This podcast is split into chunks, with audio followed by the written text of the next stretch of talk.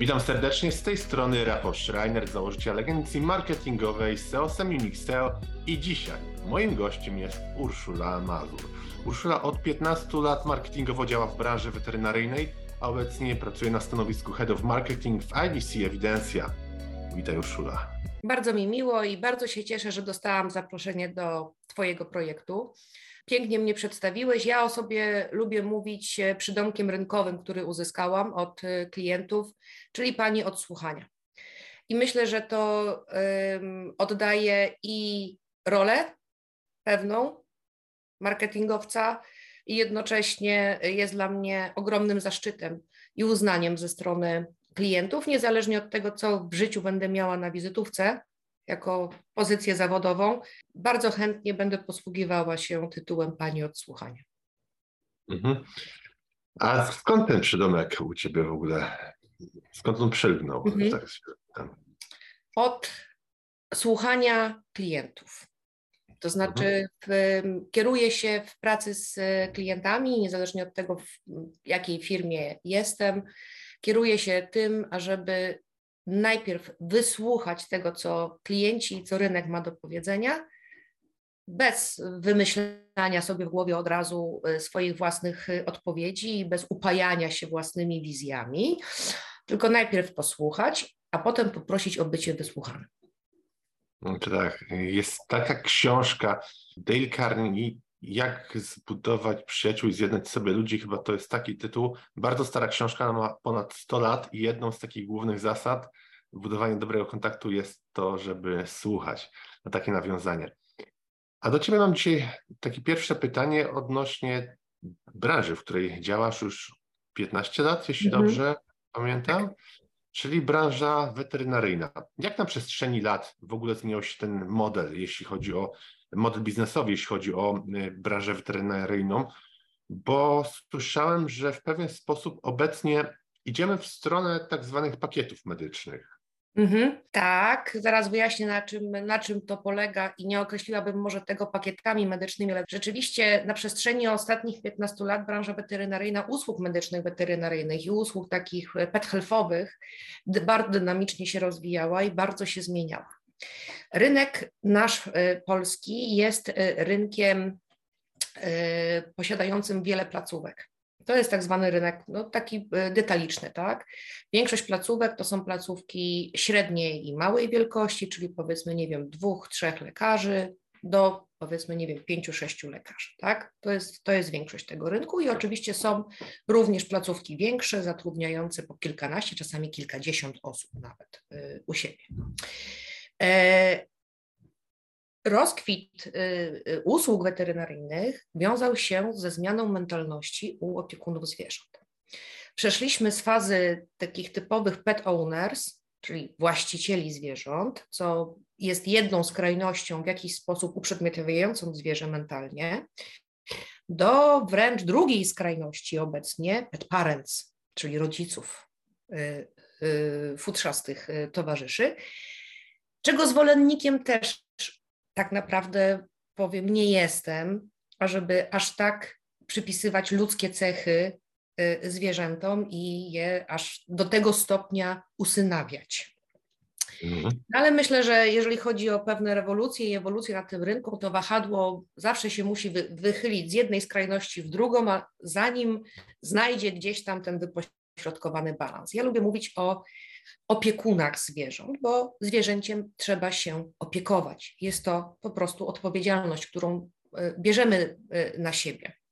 Nie tylko pod względem zapewnienia bytu temu zwierzęciu, czyli narzucenia mu czegoś do miski, to też już się zmienia bardzo dobrze, że to już nie jest coś do miski, e, czy wyjścia z nim na spacer, czy posprzątania kuwety, ale zapewnienia temu zwierzęciu stałej opieki lekarskiej, weterynaryjnej, tej pewnej profilaktyki, na którą też bardzo zawsze naciskam i, i, i zachęcam, bo zwierzę samo nie powie, czy go coś boli, czy nie. Jak nas gdzieś tam gdzieś coś strzyka i się źle czujemy, to tak. Y, ponarzekamy sobie, y, opowiemy o tym. Zwierzę bardzo często nawet nie piśnie, dosłownie nie piśnie, no. że odczuwa ból lub dyskomfort lub coś mu dolega. I dlatego ważna jest regularność odwiedzin u lekarza weterynarii. Więc wraz ze zmianą tej jakby mentalności postrzegania zwierzęcia jako towarzysza życia, mhm. rozwinął się również bardzo sektor usług, rynek usług weterynaryjnych. I bardzo dobrze. I teraz tak, mamy ten model, który przez lata nam się wykuwał, czyli samodzielnie, niezależnie prowadzonych placówek. No i jakiś czas temu, bo to już nie jest trend tegoroczny, ale to się zaczęło powiedzmy, nie wiem, ze 3 lata, 2-3 lata temu, jeszcze tuż, tuż przed y, pandemią, następuje zmiana modelu y, prowadzenia tego biznesu ogólnorynkowo. E, proponuje się model mm, pewnej korporatyzacji czy też konsolidacji rynku. Czyli mówiąc wprost, grupuje się kliniki w sieci. Tak jak kiedyś powstawały podobne modele dla ludzi. W Czyli trochę tak jak z siłowniami. Teraz. Trochę, trochę tak, albo właśnie z um, usługami medycznymi dla ludzi. Tak? Powstają, mhm. wchodzą sieci, które e, grupują kliniki pod jakimś tam swoim własnym szyldem czy stylem zarządzania. I, i to jest zmiana modelu biznesowego na rynku, aczkolwiek od razu powiem, jest to słoń, którego teraz bym chciała zauważyć, bo mhm. to wchodzi na rynek. Jest kilka firm, które zajmują się taką konsolidacją rynku.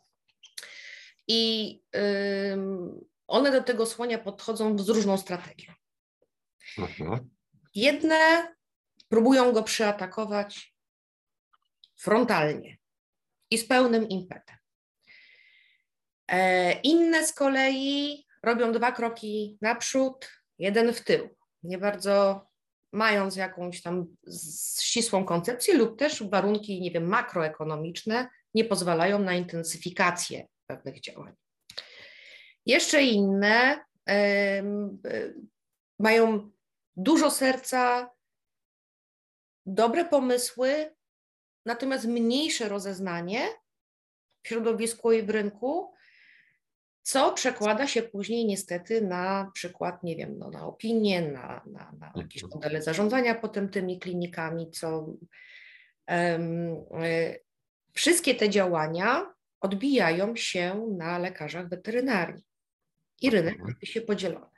Jedni mówią, dobra, no wchodzi konsolidacja, zmiana, zmiana modelu biznesowego, pożyjemy, zobaczymy, spróbujemy, to skoczymy. Mhm. E, inni z kolei są zdecydowanie przeciwni temu modelowi i, i mówią, nie, pozostaniemy przy swojej własnej przedsiębiorczości. W sumie to też nie ma się co dziwić, bo de mhm. facto będą ich gabinety wchłaniały, bądź wchłaniała jakaś jedna korporacja, która tak. E, ich wykupi po prostu i on może być dyrektorem, jeśli dobrze rozumiem, takiej mhm. placówki, ale już nie będzie właścicielem. Tak, tak, zdecydowanie i to jest pełna zgoda. E, mhm. Zawsze klientom, lekarzom powtarzamy, słuchaj, to nie jest produkt czy usługa szybko zbywalna. Mhm. To jest dorobek Twojego życia. Jeżeli decydujesz się na przystąpienie do takiego modelu, to dobrze rozważ wszystkie za i przeciw i wybierz taką firmę, która rzeczywiście oferuje Ci możliwość również no, dalszego jakiegoś rozwoju zawodowego, dba o Twój zespół, Twoich ludzi, zadba o ten zespół i jednocześnie nie zabije tego ducha przedsiębiorczości, który w usługach weterynaryjnych jest bardzo silny. A mhm. znamy firmy, bo już też no, pokazały się niektóre od, od tej strony, że pod gromkimi hasłami o dobru zwierząt leży maksymalizacja zysków. Tak jak w każdej branży. Jak w każdej branży. No? Także tutaj apelujemy, też zawsze lekarzom mówimy, poczekaj, popatrz, wybierz to, co dla Ciebie rzeczywiście jest biznesowo najlepsze. I dla Twojego zespołu, i dla Twojego biznesu, bo Ty go tworzyłeś. I tutaj też do firm apel podchodzimy zawsze no, właśnie z pełnym szacunkiem do tego, co zostało wypracowane na tym rynku. Okej, okay, a w, jeśli mam tutaj przykład taki, że część firm dołączy do tego modelu, mhm. ale część oczywiście zostanie mhm. E, przy tym starym, czyli ja jestem właścicielem i mam swoją klinikę, mhm. to e, jak obecnie myślisz, że zmienić ten marketing dla placówki weterynaryjnej? Bo mhm. wiemy, że na przykład e, lekarze, w tym lekarze weterynarii czy prawnicy, to są takie zawody, które mają pewne ograniczenia, jeśli chodzi o reklamę. Mhm. To, jak, mhm. to, co obserwujesz obecnie, jak może się zmienić w przyszłości, czy może obecne strategie zostaną, albo coś się zmieni, jakie jest Twoje zdanie na ten temat? Mhm. E, bardzo fajne pytanie. Ja chciałam jeszcze tylko dodać, że jak w każdej sytuacji e, rynkowej rewolucji, a zmiana modelu biznesowego taką jest, e, wypracowywane są również strategie pośrednie dla tego biznesu. W związku z czym można skorzystać z przyłączenia całkowitego do jakiejś tam grupy tak, y, y, korporacyjnej, ale w przyszłym roku pojawią się na naszym rynku rozwiązania bardziej, powiedziałabym, spółdzielcze, mhm. oparte na y, bardziej na modelu współpracy między lecznicami, tak, ażeby korzystając z pewnych udogodnień usług i produktów, e, móc rozwijać swój biznes jako placówka zupełnie niezależna. To już jest mhm. nawiązanie odpowiedzią do Twojego pytania. Więc to jest jedna opcja. E, druga, e, druga, druga opcja jest taka, że mm, co rzeczywiście placówki weterynaryjne nie mogą się reklamować wprost. E, w związku z czym komunikacja do klientów i um, zapadalność w pamięci tych klientów końcowych, tych opiekunów zwierząt odbywa się poprzez przede wszystkim social media. To jest bardzo ważny kanał komunikacyjny i tam można pokazać, jak nasza placówka podchodzi do do pacjentów, e, jakich, nie wiem, mamy specjalistów. Edukujemy też w ramach social mediów naszych klientów docelowych, czyli opiekunów zwierząt. Sam dobrze wiesz, że social media to jest temat szeroki i wielokanałowy. Dokładnie. Jest masa sposobów, technik, w jaki można to rozgryźć. Tak. I tutaj znowuż nawiązuje do współpracy. Jeżeli jestem dobry w A, a ktoś jest dobry w B, to wymieńmy się tymi doświadczeniami e, lub też, i tego też modelu współpracy jestem mm, orędownikiem, e, zaprośmy do współpracy e, specjalistów danych taktyk i działań, bo mhm. możemy mieć świetną strategię, E, natomiast no, jest to zupełnie naturalne, że w tak rozbudowanym strukturze, jaką jest marketing, bo powiedzmy sobie, to nie jest kolejny dział sprzedaży. To, to jest wielopoziomowy twór, wielopoziomowy organizm, który tworzy popyt, który Dokładnie. komunikuje, e, który tworzy markę, i jeżeli mamy tyle możliwości, które nam obecnie oferuje technologia i tyle kanałów komunikacyjnych, nie musimy być specjalistami od kreowania każdej jednej kon konkretnej akcji. Są oni na tym rynku, na naszym rynku weterynaryjnym też tacy są. Mogę wymienić e, już be, bez nazwy, ale przychodzą mi na myśl przynajmniej dwie firmy, które zajmują się tym w bardzo fajny sposób. Mhm. Korzystajmy z nich, współpracujmy z nimi. Nie muszę być od wszystkiego. Jak jestem od wszystkiego, to jestem do niczego. Więc oddawajmy akcje w ręce specjalistów. Tym bardziej jak ktoś prowadzi swoją firmę, czy to właśnie na przykład klinikę, jest masa spraw na głowie, jeszcze pewnie taka osoba często wykonuje też swój zawód oprócz prowadzenia firmy. Oczywiście, przede wszystkim leczy. Do, tak, jeszcze dochodzą do tego hmm. jakieś sprawy księgowe, y, typowo organizacyjne i, i prowadzenie sociali czy reklamy, zajmowanie się marketingiem. To jest naprawdę wyzwanie takie 20 godzin dziennie trzeba by mhm. mieć naprawdę przeznaczone. Tak, dlatego jestem co do zasady zwolennikiem współpracy. Mało tego, są już na, w tej naszej branży, na tym naszym rynku narzędzia, rozwiązania na przykład digital, które umożliwiają i ułatwiają tą współpracę. Ułatwiają prowadzenie biznesu. Tutaj też znowu nie mhm. będę wymieniać nazwy firmy, ale bardzo kibicuję temu projektowi, dlatego że on w formie cyfrowej na wielu płaszczyznach łączy ze sobą lecznicę, daje możliwość wymiany, y, współpracy między lecznicami, a jednocześnie łączy lekarza z tym docelowym iksińskim, który y, y, przychodzi do, mm, do lecznicy ze swoim zwierzęciem. E, digitalizacja marketingu, no, to jest nasza przyszłość. Jesteśmy w dobie czwartej rewolucji przemysłowej. Mhm.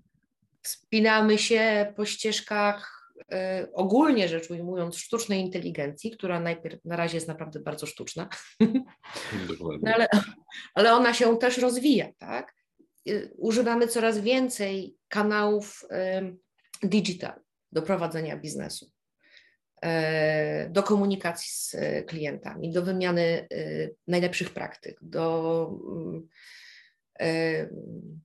no, do przedstawiania siebie, do budowania własnej marki. Także to, to jest dla mnie taki główny trend, który będzie postępował. No i jesteśmy w obliczu mm, pewnego no, kryzysu ekonomicznego, który nam puka do drzwi, gdzie dla mnie też to jest pole do właśnie zacieśniania współpracy na, na, na tym rynku. E, weterynaria nie zginie. To na, na pewno nie. Natomiast pomóżmy sobie no tak. nawzajem. E, e, współpraca między placówkami, między placówkami a firmami, współpraca między firmami. I będziemy wtedy mogli wszyscy urosnąć. Ja jestem tutaj tego samego zdania. Weterynaria na pewno nie zginie, bo to przywiązanie do zwierząt jest coraz większe. Pamiętam jeszcze jak będąc dzieciakiem e, z 20-30 lat temu, jakie było podejście do zwierząt. Zwierzę to jest zwierzę, niech tam sobie na łańcuchu siedzi, a teraz e, mhm. ludzie opiekują się bardziej zwierzakami niż e, innymi ludźmi, na przykład, nie wiem, załóżmy w rodzinie, czy nawet sobą. Mhm. Także jak najbardziej uważam, że to będzie się mocno rozwijać. Jestem tylko ciekaw, jak finalnie zakończy się podział w tym modelu? Ile osób zostanie przy własnej działalności, ile osób wejdzie do mm, właśnie w ten nowy tryb, że ktoś nas kupuje, my możemy zarządzać co najwyżej tą placówką. No, to, jest, to jest ciekawe, bo tak ja tutaj e, od razu mam w głowie przykład siłowni, ile tych mm, siłowni zostało kupionych przez mhm. Mamy takie dwa, trzy duże podmioty w Polsce. Ile zostało wykupionych, ile dołączyło do programu, zostawiając mimo wszystko siebie jako właściciela. I naprawdę siłowni, które mm, nie dołączyły w ogóle do tego typu modelów, modeli biznesowych jest bardzo mało. Wszystkie korzystają z tych kart, które są na przykład w mhm. korporacjach czy w firmach. Mm. Także tutaj to jestem ciekaw, jak to finalnie się skończy. Mm, ale usług weterynaryjnych, usług lekarskich jako takich per se nie zgrupujesz w całości, bo one są tak złożone, jest ich tak wiele. Mało tego, weterynaria roz, rozbudowuje swoją wiedzę, jesteśmy coraz mądrzejsi, mamy specjalizację, jeżeli chodzi o, o, o weterynarię. A jednocześnie jest to zawód medyczny na tyle złożony, że lekarz weterynarii mhm. musi znać się na wielu jednostkach chorobowych u wielu gatunków. A to, to, to nie jest mały pies, tak? hmm. Musi, hmm. to jest bardzo złożona i skomplikowana wiedza i tutaj trudno w szerokim spektrum całościowo potraktować usługi weterynaryjne, jak on, jakby zgrupować je w benefit pracowniczy. Hmm. To jest medycyna. Natomiast leczenie inaczej. Jeżeli chodzi o, o, o właśnie korporatyzację rynku, myślę, że biorąc pod uwagę przedsiębiorczość lekarzy i, i to, jak są prowadzone placówki weterynaryjne w Polsce, myślę, że nie będzie to, korporatyzacja nie będzie przeważającym modelem na rynku. Mhm. Dlatego, że są, jakby, tutaj widzę na razie przynajmniej dwie, dwie przeszkody. Pierwsze jest takie, że medycyna weterynaryjna to nie jest znak równości z medycyną ludzką. Mhm. I jako my, jako użytkownicy na przykład, pacjenci placówek sieciowych medycyny mhm. ludzkiej, mhm. mamy nie najlepsze zdanie o tym modelu. My, korzystając z, własnej, z własnego doświadczenia jako pacjenci. W związku z czym przekładaniem modelu sieci ludzkich na model rynku weterynaryjnego, no nie mhm. wyjdzie. Nie ma, nie ma opcji. Nie ma, nie, nie, jest to zupełnie inna, specyficzna branża. Jest to zamknięte środowisko i y, które prowadzi, prowadzi po prostu swoje działalności w sposób zupełnie inny niż lekarze mhm. medycyny ludzkiej. I innego podejścia również sprzedażowo i marketingowo wymaga. Mhm. E, dlatego nie, nie przewiduję, żeby sieci tutaj były większością e, rynkową. Myślę, że to, mhm. to nie, ten, ten rynek się oprze temu w takim zakresie, żeby to w całości. Też uważam, że 100% na pewno nie zostanie wciągnięte. Nie chcę tutaj Myślę, że to będzie nawet poniżej połowy. Tak, tak, tak. Ja tutaj tak szacuję 20-30% to będzie mm -hmm. maksimum. Mm-hmm. I liczba, jeśli chodzi o osoby, które, mm-hmm. placówki, które dołączą do tego modelu. A powiedz mi tak, bo oprócz tego, że masz 15-letnie doświadczenie w branży weterynaryjnej, to masz też bardzo bogate doświadczenie marketingowe. Jak rozmawiasz z właścicielami placówek, czy z osobami, które zarządzają, jakie jest ich podejście, kiedy coś starasz się im doradzić z tego marketingu? Mm. Bo wiemy, że lekarz, lekarz weterynarii, prawnik to są takie zawody, że kiedyś było inne podejście ja mhm. mam taki, taki zawód, to mhm. inni przychodzą do mnie. A teraz lekarz weterynarii, prawnik, to jest zwykła działalność jak każda inna, jest tego masa na rynku i trzeba walczyć po prostu o klienta. To co mhm. oni mówią, jak oni reagują no, na co mówisz? Często działalność zwykła i niezwykła, tak? No bo cały czas mówimy o medycynie, w związku z tym mówimy o ratowaniu zdrowia i życia zwierząt, tak? Pacjentów, którzy żyją, odczuwają. Także to jest taka branża zwykła i niezwykła jednocześnie branża otwarta na naukę, na wszelkiego rodzaju szkolenia. Aha. Branża, która dostrzegła konieczność zgłębienia, e, no nie wiem, czy e, szkoleń z zakresu kompetencji miękkich, czy marketingu, czy technik sprzedaży, e, komunikacji z klientem. Prowadzono niedawno takie mm, badania właśnie a propos e, tego, co najbardziej przyciągnęło Cię do zawodu lekarza weterynarii, a co jest dla Ciebie największą trudnością. Było to jedno z pytań, które padło w takim dosyć rozbudowanym badaniu rynkowym, bardzo fajnym zresztą. I y, to, co przyciągnęło, y, naj, największa tak, odsetek odpowiedzi, to, co mnie przyciągnęło do zawodu lekarza, no to praca ze zwierzętami, tak, leczenie zwierząt. To, co sprawia mi największą trudność, komunikacja z klientem i praca z klientem.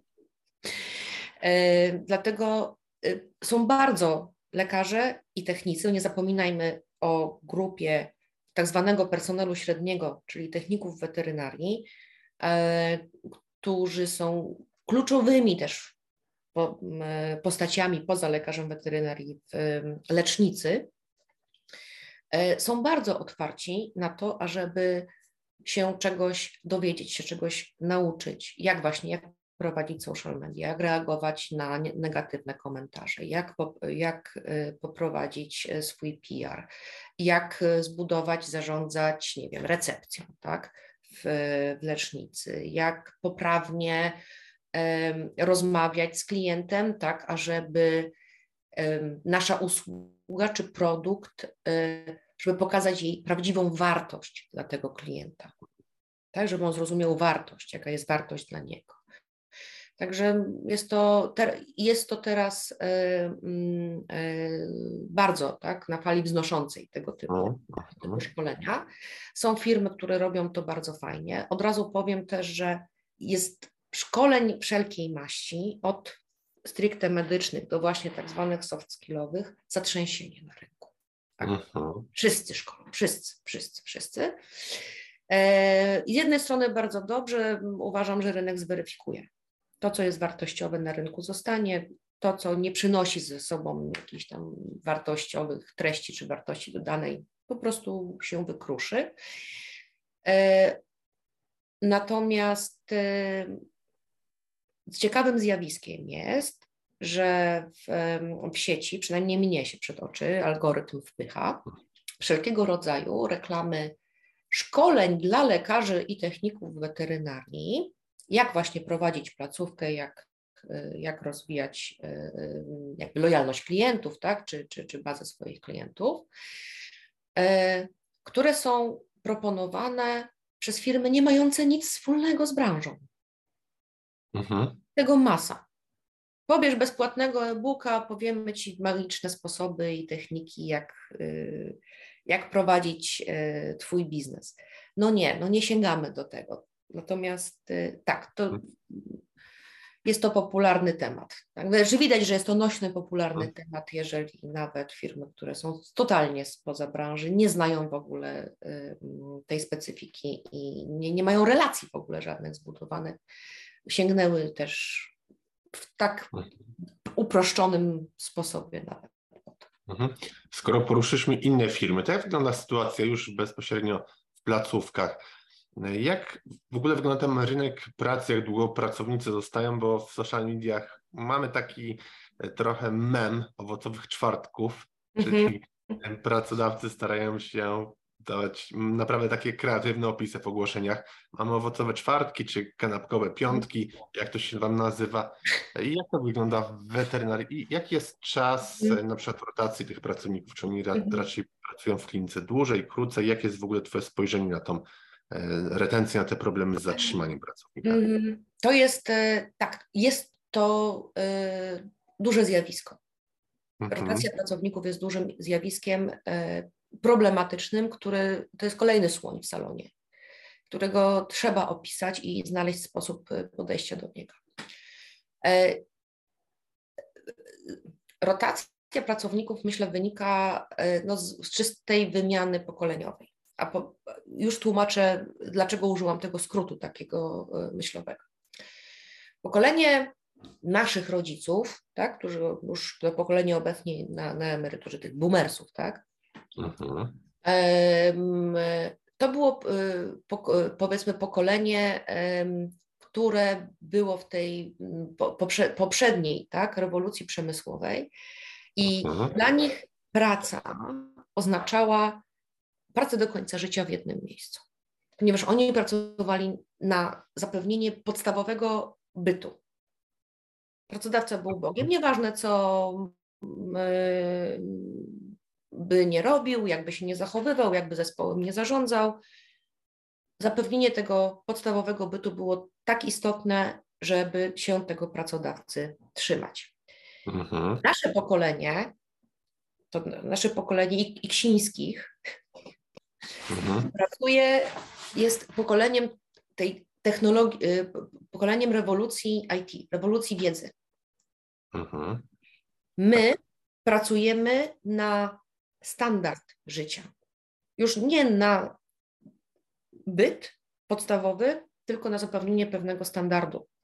To y, za naszego pokolenia rozwinęły się dostęp do wiedzy powszechny, tak? Y, wszystkie te właśnie narzędzia cyfrowe, to, to jest nasze pokolenie. No i przychodzi kolejne pokolenie pracowników. Jest to nazywane w, przez no, socjologów tak, mhm. i, i specjalistów biznesowych pokoleniem rewolucji społecznej. Mhm. Nasi rodzice pracowali na byt, my pracujemy na standard życia, a oni już nie muszą pracować na ten standard życia, oni już go mają od nas.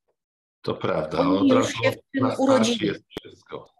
Tak, oni już się w tym urodzili. Oni się urodzili w technologii, oni się urodzili w dostępie do wiedzy. Yy, oni teraz, tak jak i my, no ale oni bardziej już powiedzmy muszą się nauczyć rozróżniania dobrej wiedzy od równowartej wiedzy, tak? Mówiąc kolokwialnie, bo jest jej za dużo prostu, tak? Jest jej taki ogrom, że trzeba umieć to wybrać.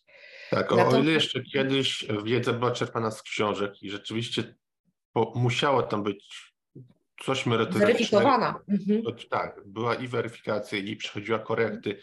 Ktoś to musiał wydać. E, wydawca też nie mógł publikować, e, wiadomo, rzeczy wyssanych z palca. Więc ta wiedza była wyższej jakości, a teraz na internecie może tworzyć każdy. To nawet nie muszą być mhm. Prawdziwe, informacje, bo naprawdę większość tego, co ja widzę w sieci, to jest straszny bullshit.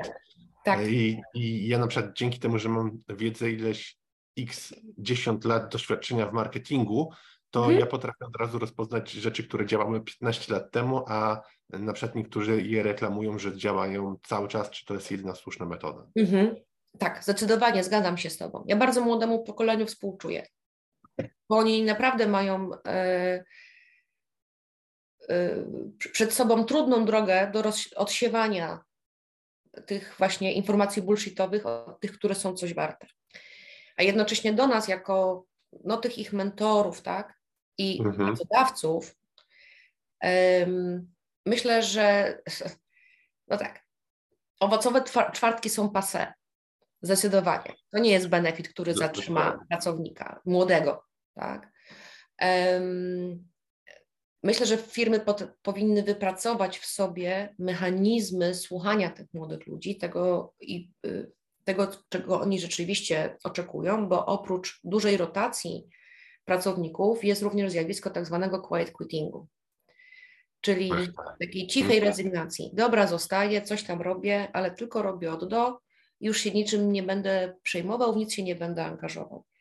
Nawet o quiet quittingu rozmawiałem tutaj podczas jednego e, z podcastów z Natalią Bogdan, który ma swoją agencję pracy. Też to mhm. poruszaliśmy. Tak. I to, I to jest zjawisko już coraz bardziej powszechne w firmach, właśnie dotyczące, dotykające w bardzo dużym odsetku ludzi młodych. E, przykład mhm. E, z własnego podwórka. Dlaczego ludzie y, odchodzą? Dlatego, że nie czują wpływu na to, czego są częścią. Mhm. Nie czują się w pełni wysłuchani, nie czują, żeby ich pomysły, które zgłaszają, były w jakikolwiek sposób rozpatrywane czy doceniane. E, rytm, który się narzuca, niekoniecznie musi rezonować z ich rytmem życiowym. Dla nas często praca jest całym życiem. Mhm. A tak, oni tak. pracują, żeby żyć. Mhm. I to jest ten, dla mnie ta płaszczyzna tarcia między mentalnością mhm. podejścia do pracy naszego pokolenia. Nie mówię, że czy dobrą, czy złą, po prostu w takich warunkach wyrastaliśmy, tak zostaliśmy ukształtowani. Jesteśmy gotowi urwać sobie ręce w barkach ażeby y, zabezpieczyć po prostu sobie ten pewien standard życia. Młodzi już tego nie muszą i nie chcą. Oni mają zupełnie inne priorytety. No Dokładnie, i... za 10-20 lat będzie inne pokolenie, które będzie miało jeszcze. O, szykuje się pokolenie płatków śniegów do wejścia na rynek. To dopiero będzie jazda. Zobaczymy, jak to u nich będzie z, z tym rozwojem emocjonalnym. No właśnie, to, mówię, dokładnie, to, to, to dopiero będzie jazda. To, tak. to Skoro poruszyliśmy tutaj pokolenia i zmiany, to jak uważasz, jak się zmienia z kolei marketing, bo wiem, że 10 lat temu robiło się zupełnie co innego. Teraz mamy też inne trendy. Jakie jest Twoje zdanie o tym, co jest teraz, o tym, co będzie? Mhm. O, to jest bardzo dobre pytanie.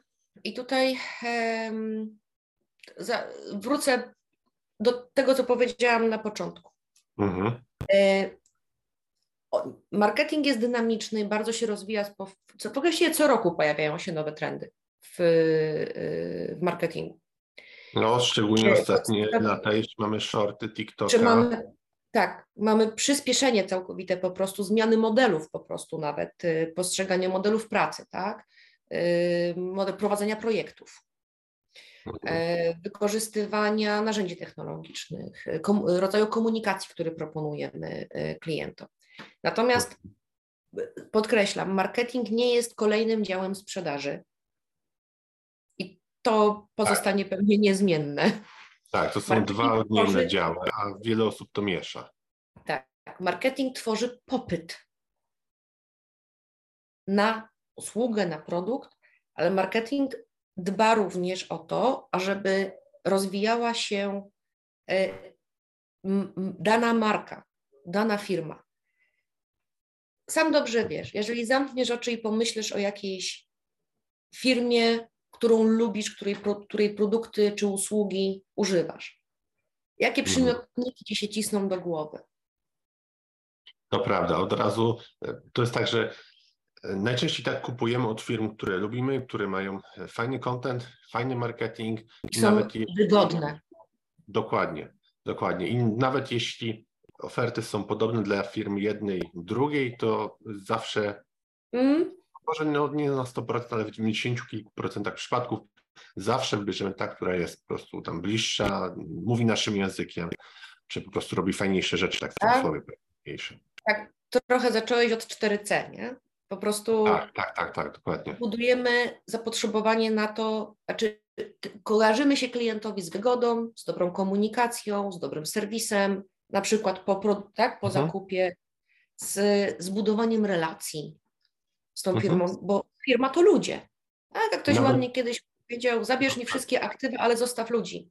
A za pięć lat odbuduje tą firmę na rynku. Obecnie to jest tak, że nawet nie tylko um, firmy usługowe zaczynają tworzyć jakiś brand, tylko hmm. nawet olbrzymie e-commerce, które teoretycznie sprzedają tylko produkty mhm. ale oni mają i kampanie uświadamiające, i mają przyjęty jakiś ton marki, głos marki i według tego robią swój marketing, kampanie, posty w social mediach, e, remarketing, e, czy nawet duże korporacje zaczynają prowadzić kanały na YouTubie czy podcasty, rozmawiając o tym, co po prostu dzieje się u nich w branży. Dokładnie tak. I to jest wszystko marketing. Natomiast e, ja lubię postrzegać rolę marketingu jako kogoś, kto tak patrzy na rynek, potrafi mhm. tego rynku wysłuchać na podstawie danych, które z tego rynku zbierze, te, z tego co wysłucha, przeanalizować te dane w odpowiedni mhm. sposób i wyciągnąć wnioski z tych danych i zaproponować rozwiązania, które e, klient przyjmie, które właśnie będą udogodnieniem dla klienta, które mu pomogą, które będą dla niego łatwe, fajne, no takie, które on będzie mógł po prostu, się, z którymi się będzie mógł identyfikować. I w weterynarii mamy jakby dwa filary. Pierwsze no to jest tak zwane B2B, czyli no, firmy komunikują się z firmami, tak, z lecznicami, które też są firmami. E, I mamy B2C, czyli mamy czy firmy, czy lecznice, które komunikują się bezpośrednio z, z tym końcowym statystycznym iksińskim. Nie? I to, co jest fajnym trendem, który się teraz pojawia, to jest personalizacja przekazu mhm. B2C. Mhm. Tak. Tego, że zaczynamy dbać o to, aby ten końcowy iksiński czuł, że to jest rzeczywiście skierowane do niego. Fajnie to powiedziałeś właśnie, kampanie społeczne, mhm. y, określenie właśnie, czego chcą, na, czego chce nasza grupa klientów, tak? Czego chcą nasi najfajniejsi klienci, jak ich, jak ich zatrzymać poprzez spersonalizowanie działań y, właśnie B2C. To jest, to jest bardzo fajne, to jest jeden trend. Drugi to jest ten, i to się doskonale moim zdaniem będzie wpisywało w młode pokolenie, które jest przyzwyczajone do szybszych zmian, bo mhm. oni się urodzili w świecie, który dostarcza im codziennie milion bodźców na bardzo różnych płaszczyznach. Dokładnie, dokładnie. Cały ten trend, cała ta metodologia i trend agile, bądźmy zwinni. Mhm. Bo duży projekt, podzielmy tego dużego słonia, tak? Podzielmy na mniejsze kawałki. Dajmy pole do popisu specjalistom w tych mniejszych kawałkach, ale mhm. dzięki temu podejm będziemy podejmować szybciej, lepsze decyzje. Czyli ten, ten trend zwinności, tego, ten, ten trend agile, tak? który wziął się, zresztą przyszedł do nas na projekty z branży IT ściśle, ale yy, można go spokojnie, myślę, wpisać w, w to, co, co, czym zajmuje się marketing i jak się prowadzi projekty. To jest druga rzecz. E, lubię postrzegać właśnie marketing jako e, właśnie coś, co zbiera dane, wykrywa trendy, odpowiada na zapotrzebowanie klientów, ale również w jakiś sposób to zapotrzebowanie potrafi stworzyć. Czyli mhm. wszystkie ukryte pragnienia wydobywa i mówi: OK, dobra, to proponujemy coś takiego w taki sposób. Doskonale Ale... wiem, że większość klientów, czy grupy docelowej raczej mhm. powinien powiedzieć, nie jest świadoma tego, że coś może im się przydać. Tak, ale to można, od tego jest właśnie marketing, żeby to badać. Co, co byłoby przydatne, jaki trend możemy, co możemy zaproponować nowego, co rzeczywiście się przysłuży klientowi, no bo tutaj cały czas poruszamy się w tym modelu 4C, tak? Jesteśmy zorientowani na klienta. Natomiast lubię czasem z drugiej strony, tutaj trochę będę z diaboli, mhm. wejść w buty sprzedaży. Zobaczyć, jak ja zmieniają się. Zdania. Najlepiej, jeśli marketing może w ogóle słuchać e, rozmów sprzedaży, ale często tak nie jest praktycznie nigdy. Tak się nie dzieje, że marketing ma feedback bezpośrednio z działu sprzedaży, tylko marketing robi swoją wizję, sprzedaż ma swoją wizję, no i klient też ma swoją wizję. To tutaj zdecydowanie e, przez wszystkie lata, które pracowałam dla, dla różnych firm, mhm. E, starałam się być łącznikiem, choć postrzegałam mhm. marketing jako właśnie ten nadający trend i takie spoiwo między mhm, sprzedażą mhm. a klientem. E, w związku z tym bardzo często wchodzę w interakcje ze sprzedażowcami wchodzę w mhm. buty sprzedaży, e, biorę udział nawet w szkoleniach z technik sprzedaży, tak? Mhm, Bo wtedy rozumiem lepiej kolegów ze sprzedaży i wiemy, jak też im pomóc, ażeby byli skuteczniejsi już wobec e, klienta. Także mhm. to, to, to jak najbardziej. I y, postrzegam marketing, tak jak jest medycyna oparta na faktach, mhm. tak właśnie tak. marketing w oparciu o dane. E, oczywiście to, te, te, muszą być skalowalne te dane, tak, e, ale e, i, i, z właściwego źródła, to porządne tak, dane, natomiast jestem wielkim fanem dopytywania klientów o różne, o różne, o różne rzeczy i, i zbierania po prostu cały czas w tym cyklu po prostu tego infozwrotu rynkowego, czy te nasze działania są potrzebne, prawidłowe, czy rzeczywiście zorientowane na to, co klient potrzebuje. No i współpraca. Myślę, że przyszły rok wraz z jego również kryzysem finansowym mhm. E, będzie wspierał y, y, zdolność współpracy i między firmami, i między firmami a lecznicami, między lecznicami między sobą. Powiem Ci taki śmieszny przykład. Mhm. A propos właśnie trendów. Jak zaczęła się epidemia e, mhm. i przyszedł pierwszy lockdown, ogłoszono pierwszy lockdown, no i popłoch na rynku, wszystkie biznesy się muszą nagle na, nie wiem, 2-3 tygodnie zamknąć, tak? Tak. Padło rozporządzenie. Mhm. E, I wszyscy przedsiębiorcy, bo z różnych branż, tak? Mhm. Dobra, no musimy się zamknąć, Boże, co to będzie? Jak już teraz się zamkniemy, co to będzie? Mhm. Również na naszym, w naszej branży weterynaryjnej padały takie pomysły, no dobra, no to zamkniemy lecznicę, nie wiem, na dwa tygodnie, czy nam na trzy tygodnie. My jako firma byliśmy pierwsi, od razu, jak tylko padło ze strony, nie wiem, władz, tak, nie wiem, epi, no, państwowych, tak, tak jest tak. lockdown, byliśmy pierwsi, którzy mówili lekarzom, broń Boże, nie wolno ci zamknąć lecznicy. My ci powiemy, jak to zrobić w warunkach lockdownowych, w warunkach epidemicznych, w warunkach narzuconych, znaczy w sensie no, obostrzeń, tak, narzuconych odgórnie, ale mhm. broń Boże, nie zamykaj biznesu, bo za miesiąc nie będziesz miał do czego wrócić. Byliśmy pierwsi, którzy uczyli tego lekarzy. Czyli mhm pod prąd trochę wobec zaleceń. Czasem, czasem trzeba. Innych, wobec in, zaleceń innych, y, innych y, firm, tak, czy innych branż. To był mhm. pierwszy kryzys.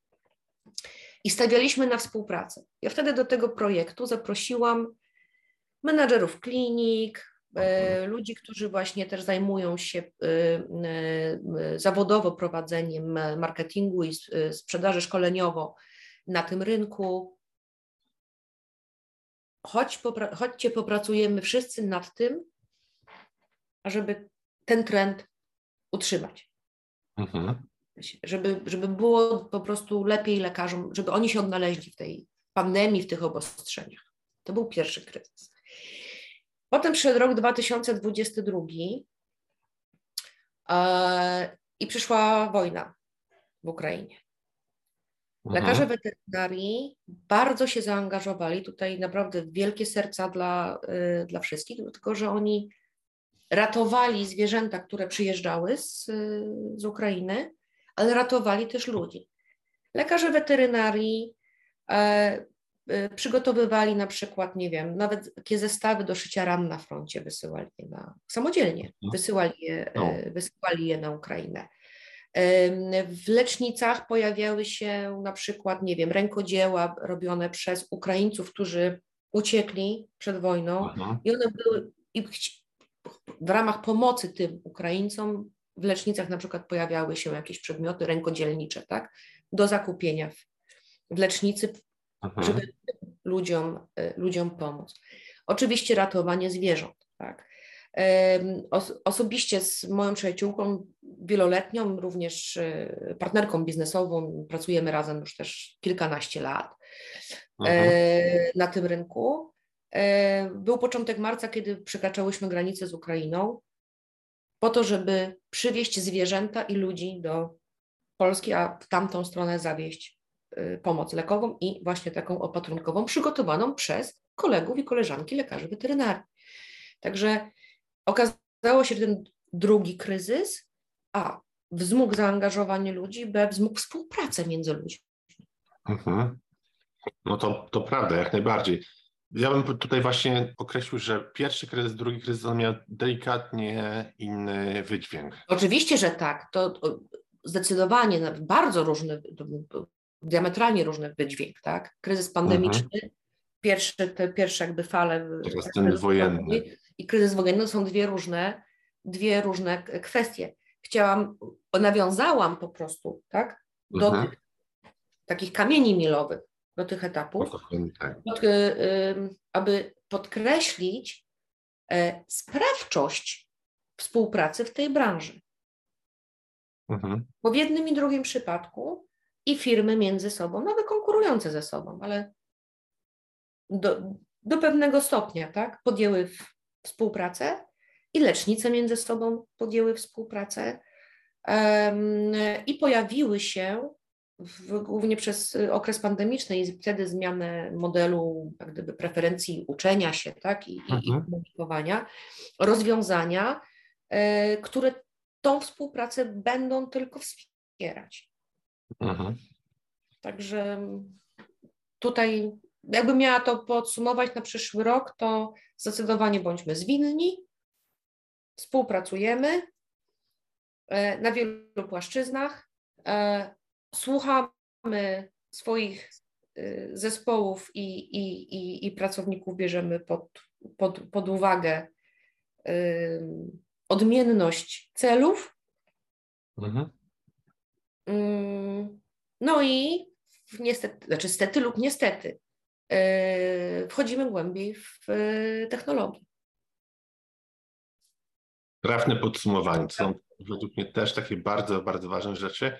W związku z tym, że naprawdę obecne ostatnie dwa lata są takim przewidywalne i zanosi się, że mhm. kolejny rok tak samo.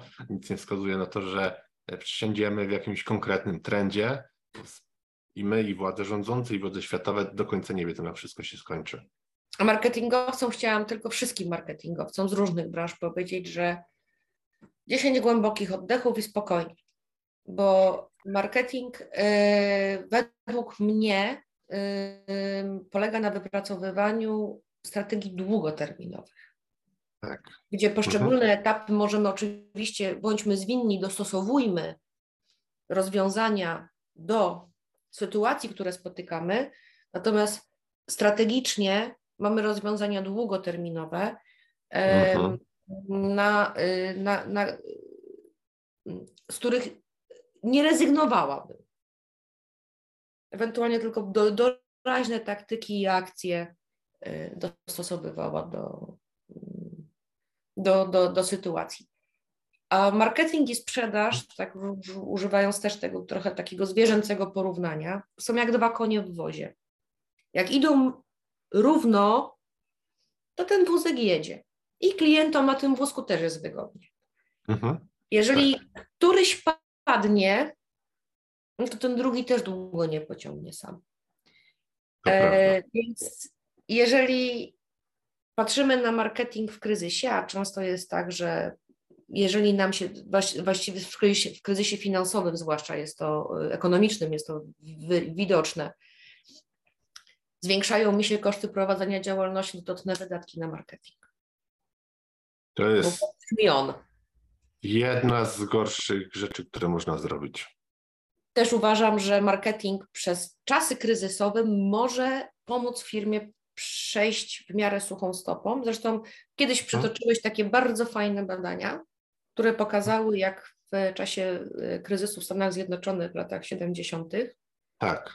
urosły firmy, które w dobie kryzysu potraktowały marketing i reklamę jako inwestycję produkcyjną, a nie koszt sprzedaży i utrzymały inwestycje w to, a z jakim trudem odbijały się później od dna firmy, które obcięły y, inwestycje y, marketingowo-reklamowe. Tak, to jest zawsze kilka lat. Trzeba, jeśli jakaś firma obetnie wydatki marketingowe w czasach kryzysu, to jest kilka lat, żeby one wróciły w ogóle do czasu, który był w trakcie mm. kryzysu, gdyby się cały czas reklamowały, więc są zawsze te kilka lat w plecy, oczywiście, jeśli w międzyczasie nie splajtują, bo, bo to jest takie koło zamknięte. Jeśli mm -hmm. mamy kryzys, to część klientów sama z siebie odpadnie, bo oni też będą mieli kryzys. Będą musieli mm -hmm. zrezygnować z usług danej firmy. Jeśli dodatkowo firma taka nie robi marketingu, nie pozyskuje nowych klientów, żeby przynajmniej trzymać się w okolicy zera, że napływają nowi, starzy odchodzą, Albo utrzymać lojalność klientów, których chce. Tak, albo żeby utrzymać tą lojalność klientów, to zamiast iść mniej więcej, bok będzie cały czas spadać. Więc samo odbudowanie to jest kilka lat później takiej strategii. Tak, zgadzam się. Aczkolwiek jest to pewna zmiana też mentalności. Tutaj wracamy do tego zalewu wiedzy i ofert. Jak powiedział fajnie e, Joe Martin, marketing jest świetną robotą, bo każdy ma jakąś dobrą radę, mhm. jak wykonywać ją lepiej. Tak. A to mhm. y, zmierzam do tego, że mamy w, y, no, w tym zalewie informacyjnym wysyp samozwańczych specjalistów od wszystkiego. Tak. Od marketingu też. Mhm. Y, co nie zawsze ma rzeczywiście przełożenie na biznes, bo tak jak mówiliśmy, są to strategie długoterminowe. Mhm. I nawet jeżeli doraźnie spowoduje, że no dobra, no nie wiem, wygeneruje trochę tych lidów, a to jest tylko przecież ułamek tego, czym się zajmuje marketing.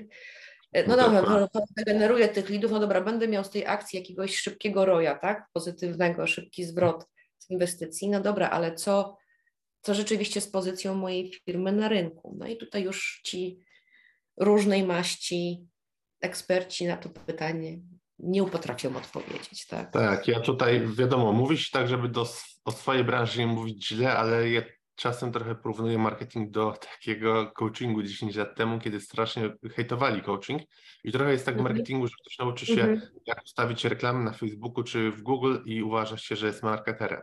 Nie, taka osoba umie po prostu ustawić reklamy. Nie jest -hmm. marketerem. To po prostu ona umie obsługiwać platformę na której można zamieszczać reklamę, mhm. ale marketing to jest zupełnie coś innego. To jest całe story, koncepcja budowania tego top of mind dla firmy, mierzenia wyników e, strategii długoterminowych.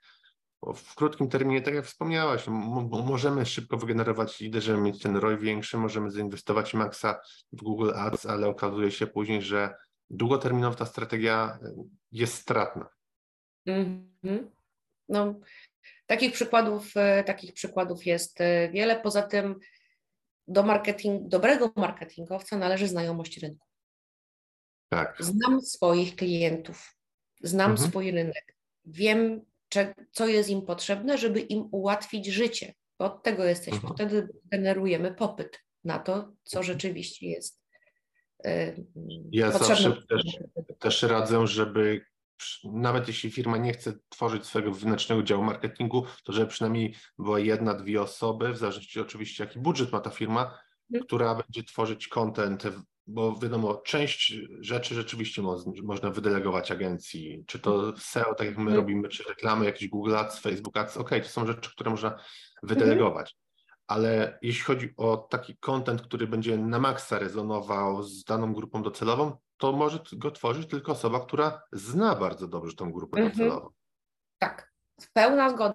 Mało tego, strategię marketingową dla, dla firmy, dla przedsiębiorstwa też no, no nie da się jej do końca wyoutsourcować. To musi być ktoś, kto mhm. zna firmę, zna jej cele, ale też zna rynek i wie, tak. gdzie są te platformy przenikania się w budowaniu dobrej, dobrego odbioru po prostu firmy.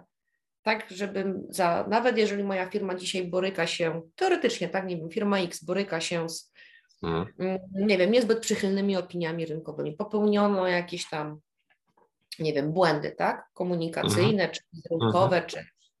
czy w działaniach, to się da wyprowadzić. Jeżeli tylko będzie to spójne z rzeczywiście oczekiwaniami tego, czego chcą klienci i nastawione na długoterminową strategię, to się da spokojnie wyprowadzić. Ale właśnie wtedy musi być w firmie ktoś, kto zna i rynek, i klientów, i firmę. Natomiast do akcji poszczególnych jestem zwolennikiem outsourcowania, bo jeżeli mam firmę, która się świetnie zna na CEO, SEO, mhm.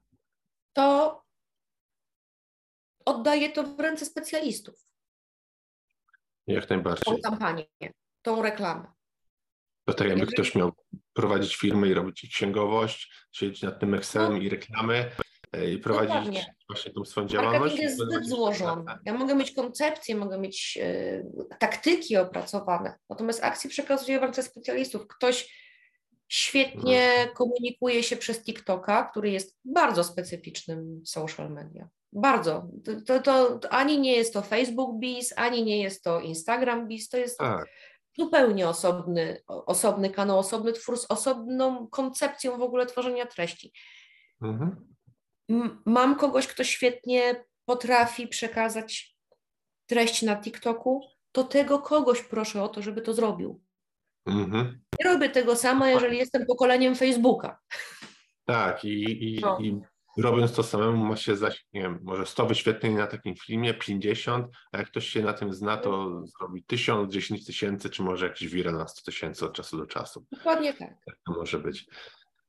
Urszula, bardzo ciekawa rozmowa. Z chęcią w jednym z przyszłych podcastów wróciłbym już właśnie tak bardziej marketingowo, a mniej może o Dobrze. Twojej niszy weterynaryjnie. Co Ty na to? Przyjmujesz moje zaproszenie?